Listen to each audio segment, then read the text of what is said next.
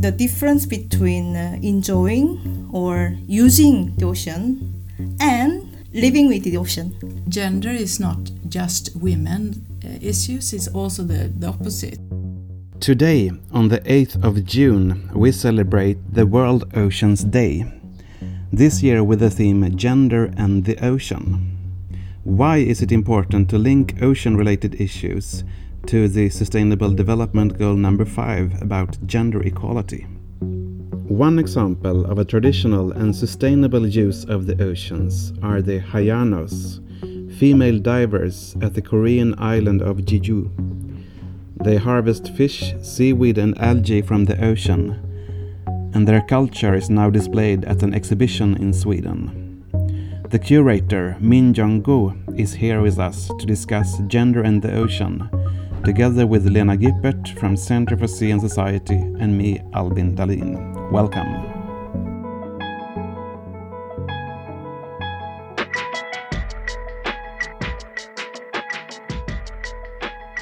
Det här är Hav och samhälle podcast från Göteborgs universitet. En podd om hav och samhälle och hur de påverkar varandra. Uh, so this is uh, what we're going to talk about today. Why is it important to link uh, gender and uh, ocean-related issues? Uh, and uh, I have two guests here. We have Min Young-gu. Thank you. welcome here. Thank you so much. your work at the Academy of, of Valand at the University of Gothenburg, but yeah. you also work as a curator for different projects? Yes, uh, my name is Min Jong, and um, well, I, am uh, an art educator, and um, I uh, also work at the um, group called Global Tanter. Consists of uh, um, artists who have uh, backgrounds uh, from from Asia and we really try to also uh, organize and uh, raise uh, the same voice in this uh, Swedish society. And uh, how can I say? I was uh, I had a great opportunity to be a guest curator to this exhibition called uh, Havets And this exhibition portrays women divers from the island of Jeju in South Korea. And um, yeah, we'll, we'll, to, we'll, talk more yeah, about this yeah, uh, yeah. exhibition very soon. And we also have Lena Gipperth, the director of uh, the Center for Sea and Society at the University of Gothenburg. Hello. Good morning. uh, yeah, what do you think about this topic for this World Ocean Day this year, uh, gender and the oceans?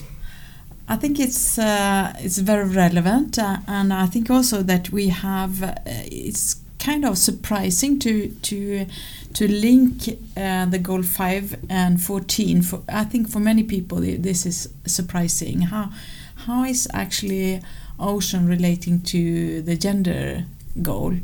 But of course if we think of the possibilities and the opportunities now the sea is actually giving us to solve the other uh, challenges in, in the agenda I think uh, number five is really relevant for us to, to think about and to discuss further. Yeah, when we talk about these uh, numbers 14 and 5, we're talking about the. Sustainable Development Goals, and number 14 is uh, for the ocean, and uh, number 5 is for gender equality, right? Exactly, exactly.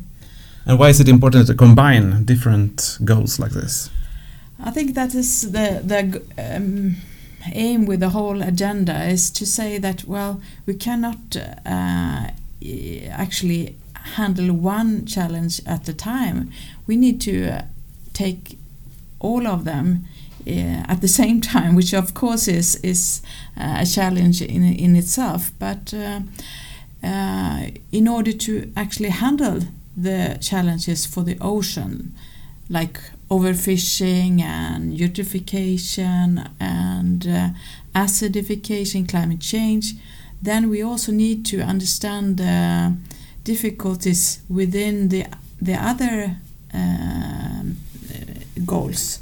So Uh, poverty, of course, is one, uh, and it's also linked to number five. Then, how could we promote, for, ex- uh, for example, small-scale fisheries that is is uh, really uh, essential for, for many of the world's population, and also to become a, a source of uh, protein for for uh, families and, and not least women. So the possibility to use the ocean. Mm. Yeah, we should talk about more about this, how to use the ocean for um, in a sustainable way. And uh, um, Min, you were talking about this exhibition that you have been working with uh, Havets kvinnor or Women of the Sea. Uh, what is this ex exhibition about, actually? Well, it's uh, actually how to live together with nature. In our case, the ocean. And um, the exhibition is uh, also about, you know, uh, this rich living, but uh, uh, really rapidly disappearing, you know, uh, cultural heritage of uh, um, women diverse uh, community. And I, I would say um, the difference between uh, enjoying or using the ocean Mm. or studying the ocean and living with the ocean. So there is a, a huge difference. In what way do you mean? What's the difference? Well, this uh, the more than thousand years old culture of Jeju Haenyeo really teaches us, you know, how could we really uh, be in harmony with the, the nature, actually. Mm. Yeah. Could you describe a little bit about these women, what they actually do? They are they dive very deep down in the ocean to collect things from the sea bottoms, right? Can you just describe? Yeah, they uh, they they don't really describe this diving, mm, you know, as a fishing. Actually, Mm. they uh, they uh, define this work as uh, um, farming. Actually, so they don't catch um, uh, smaller objects, smaller shellfishes, shellfishes, and and uh, stuff. You know, they let them grow, and they've got very special tools. You know, for example, abalone is very expensive, and uh, um, you should dive uh, to maybe um, 10 to 15 meters down. You know, and then they should have like a, a special tool called the bichang. But I really noticed that, that they've got uh, little uh, sort of marks that uh, ah this much uh, this this big you shouldn't catch and this big you should you, you could catch you know so um, actually they dive into the sea and then they uh, go up and down maybe um, to the uh, to the surface of water maybe hundred of t- hundred of times you know Mm. and then they collect uh, seafood and seaweed and then you know uh, stay there maybe for uh, six hours a day and then uh, they work together with others because it's very dangerous job so they have to go to the sea together and then come back to the sea uh, seashore all together so uh, that becomes their income and they sell it uh, collectively as well Uh, you said this is a dangerous job, dangerous life. Uh, they dive actually without tubes, Oh right? yes, they don't uh, they don't use any um, high techs. You know, of course there are oxygen tanks and uh, modern equipment. They um, they they uh, keep this tradition uh, without equipment. So in that way, in that way, they really. Um, I mean, they they could have uh, you know used uh, stuff you know like equipment and then catch more, but there is like a very beautiful um, promise among themselves that uh, we should keep this tradition and if uh, the sea dies then our job also disappears so also we don't have any food anymore so um, we should keep this promise so yeah. So do you think to keep this old tradition Yeah. and this old way of doing it, is it also a way of, I mean, preserving the sea and the resources? Yeah, so so they they they, they have uh, this kind of a how can I say sustainable idea that uh, nat- if nature uh, doesn't provide us, uh, you know, resources, then then uh, our life is also in danger. Elena, what do you think? But isn't that a very uh, like s- different way of uh, looking at the ocean when you compare to many of us that Yeah. we live very far from the ocean. Yeah. It's not part of our life. We maybe see it on television, or and that is uh, often recognized as a problem that we, we don't have the knowledge about the sea, and we don't have the like the we don't um, grow the culture in the Mm. way that uh, you, you describe. So that is a concept that have come up now with the ocean literacy that we need to to literate uh, also not just uh, our policymakers but also our our um, culture in order to to preserve not uh, some of the knowledge that we know from from the past about the sea but also grow new knowledge. And maybe by the new technology we actually can do that. We can it's not just a surface it, it's also something that we can see below the the surface actually Mm. Yeah, I could add a bit that I mean, I really totally agree with uh, you, Lena.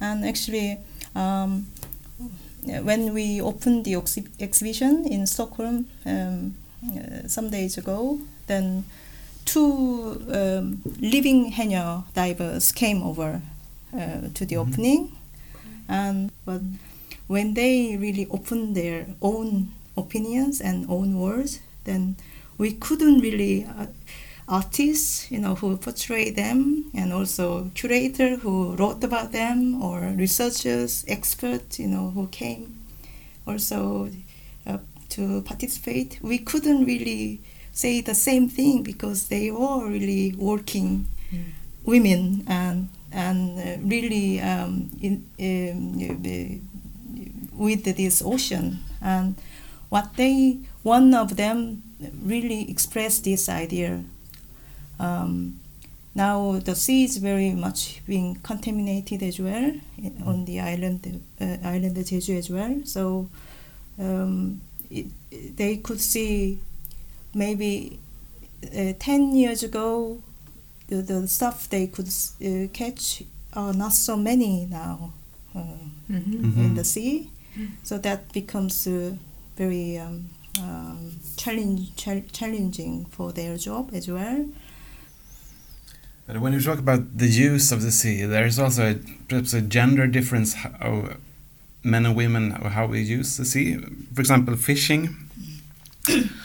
Uh, there is while women are far more, far more involved in less well-paid and unpaid fish processing and harvesting, the men do the more well-paid work out in the sea on the ships and boats. Uh, What do you think about these uh, differences, Lena? Well, we can see it also in our uh, more general culture that uh, we talk about the man and the sea, and, and and I think we often, if we talk about working on the sea, it's, it's that type of strong man on the fishing boat or on a big ship that we think about. Today, I think that is, of course, changing with the new tech technology, but I think important thing is with your exhibition, for example, that it it actually challenge our way of thinking and our way of thinking of the ocean as a male thing. It's it's also belongs to uh, the female part of the population. You can see it also maybe it's it's too close here, but if you go out in the coast, who is actually uh, steering the leisure boats? Mostly, I would say, eighty percent maybe is is men, and and that is so that is a way of us for us also to to claim uh, that we we can do it uh, and learn. So it's it's a relationship to the sea and and that we need to at least uh, think about uh, and discuss. We talk about we talk a lot about leisure boats, for example, here at the University of Gothenburg when it comes to research about, uh, I mean, the envi- environmental impact of the leisure boats. Do you think it has some is it important or is it uh, important to discuss this men and women issue when it comes to leisure boats? When it comes to, I mean, the actions to change. I mean, the environmental impact as well. I mean, is it would it be easier if it, if women were the the ones doing the boating? I think that would be too easy to say that is I, I don't think so.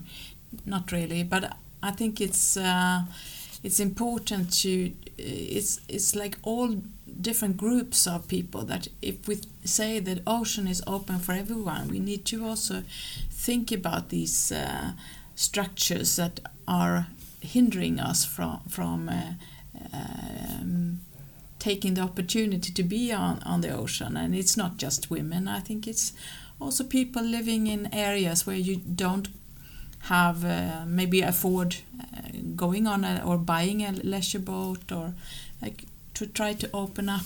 Uh, so if we say we should have ocean literacy, we should also have the ocean uh, possibilities to, to enjoy the ocean. Mm. Mm. What do you think about this? I mean, why are the men on this island not doing this diving thing? I mean, it's considered very dangerous and also very tough job. How come the women are doing it?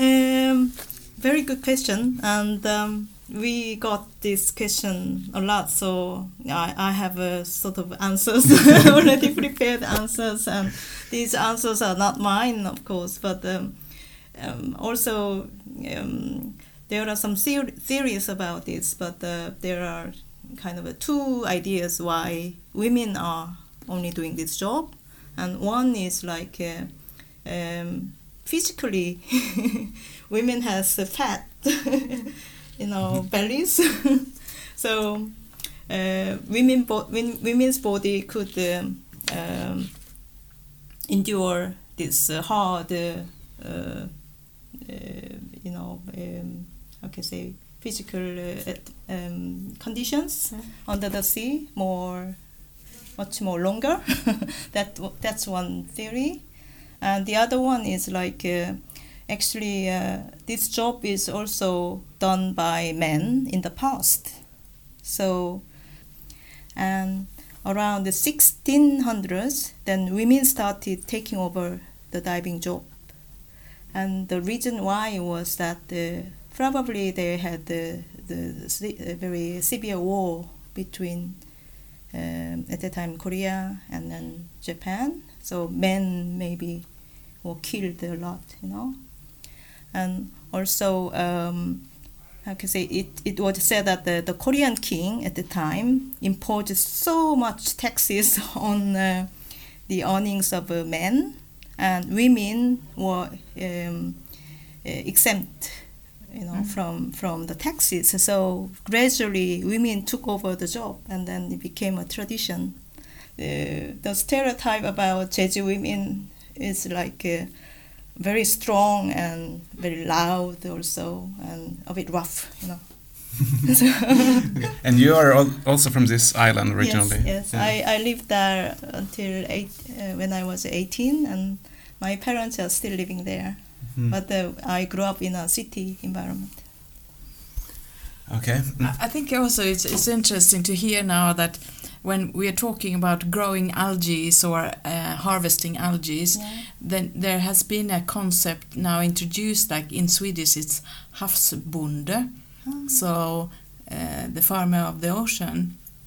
And actually, you could see now that there is cultures that using this uh, concept already. One thousand years. Yeah. so we're picking up here. We're here. We're picking up uh, knowledge and traditions that you've been used for thousands of years in other parts of the world. That's interesting. Yeah, and of course we we know that uh, Asian countries use algae much more than we have done, and uh, I think it's, it's, it's good for us to hear uh, this type of relationship, uh, and also I heard the use of uh, the algae as vegetables, the sea, the vegetables of the sea Mm. Uh, and that is also a concept that maybe change your uh, maybe a little hesitation about eating algae.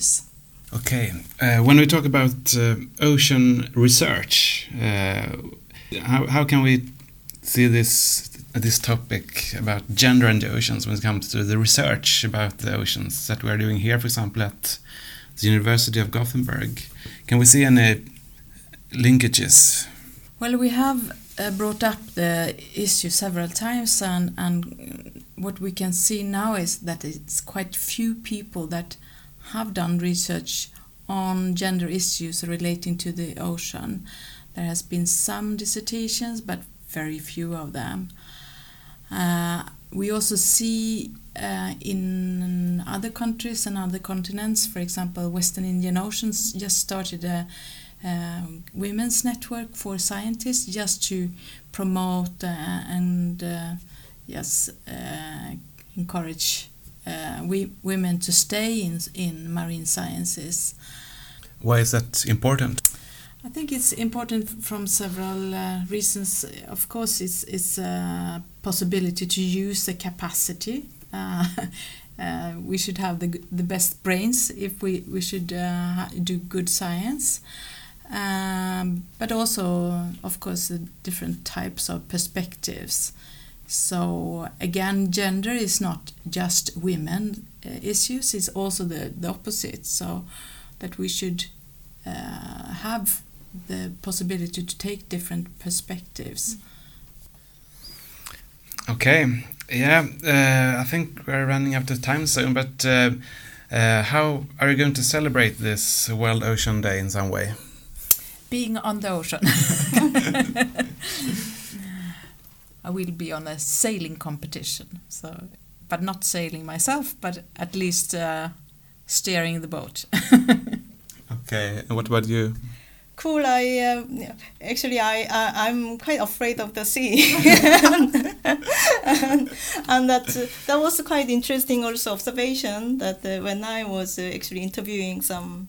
Um, uh, you know, inhabit- inhabitants in living in Gothenburg, and they had the Asian backgrounds, and then they all had like uh, different kinds of uh, associations with the sea because uh, in Asia maybe we have more typhoons and we really um, have uh, grown up uh, with the terrible news that the people died of a typhoon and uh, somebody drowned. Uh, so so we, we have like developed like uh, I can say respect for the sea. we can't really control this power uh, in the sea, you know. So so I I I'm quite afraid of uh, going going to the sea, you know, on a boat. So sailing with me. yeah, sailing is not uh, my thing, and what I I think I I, I want to learn sw- sw- uh, to swim uh, properly and how to celebrate maybe um, uh, um, how can I say um, I mean uh, we we have this exhibition in Stockholm so uh, to promote more you know yeah. of, of our exhibition could be also a good ce- celebration and also respect to uh, our community on the island Jeju also um, those artists who worked hard to shed light on this uh, culture uh, should be also celebrated, you know. so. Uh, and this exhibition, for how long will it be in Stockholm? Oh, yes, uh, it, it was uh, supposed to be until uh, uh, late September, but I got the news the other day that people really like it, so they want to extend this period until I saw it here in Gothenburg. It's really, really nice. I think. Thank you so much for taking part in this uh, talk here and at the World Ocean Day uh, 2019. Thank you. Du har lyssnat på Hav och samhälle podcast från Göteborgs universitet. Podden finns på iTunes, Soundcloud och vår hemsida havochsamhälle.gu.se.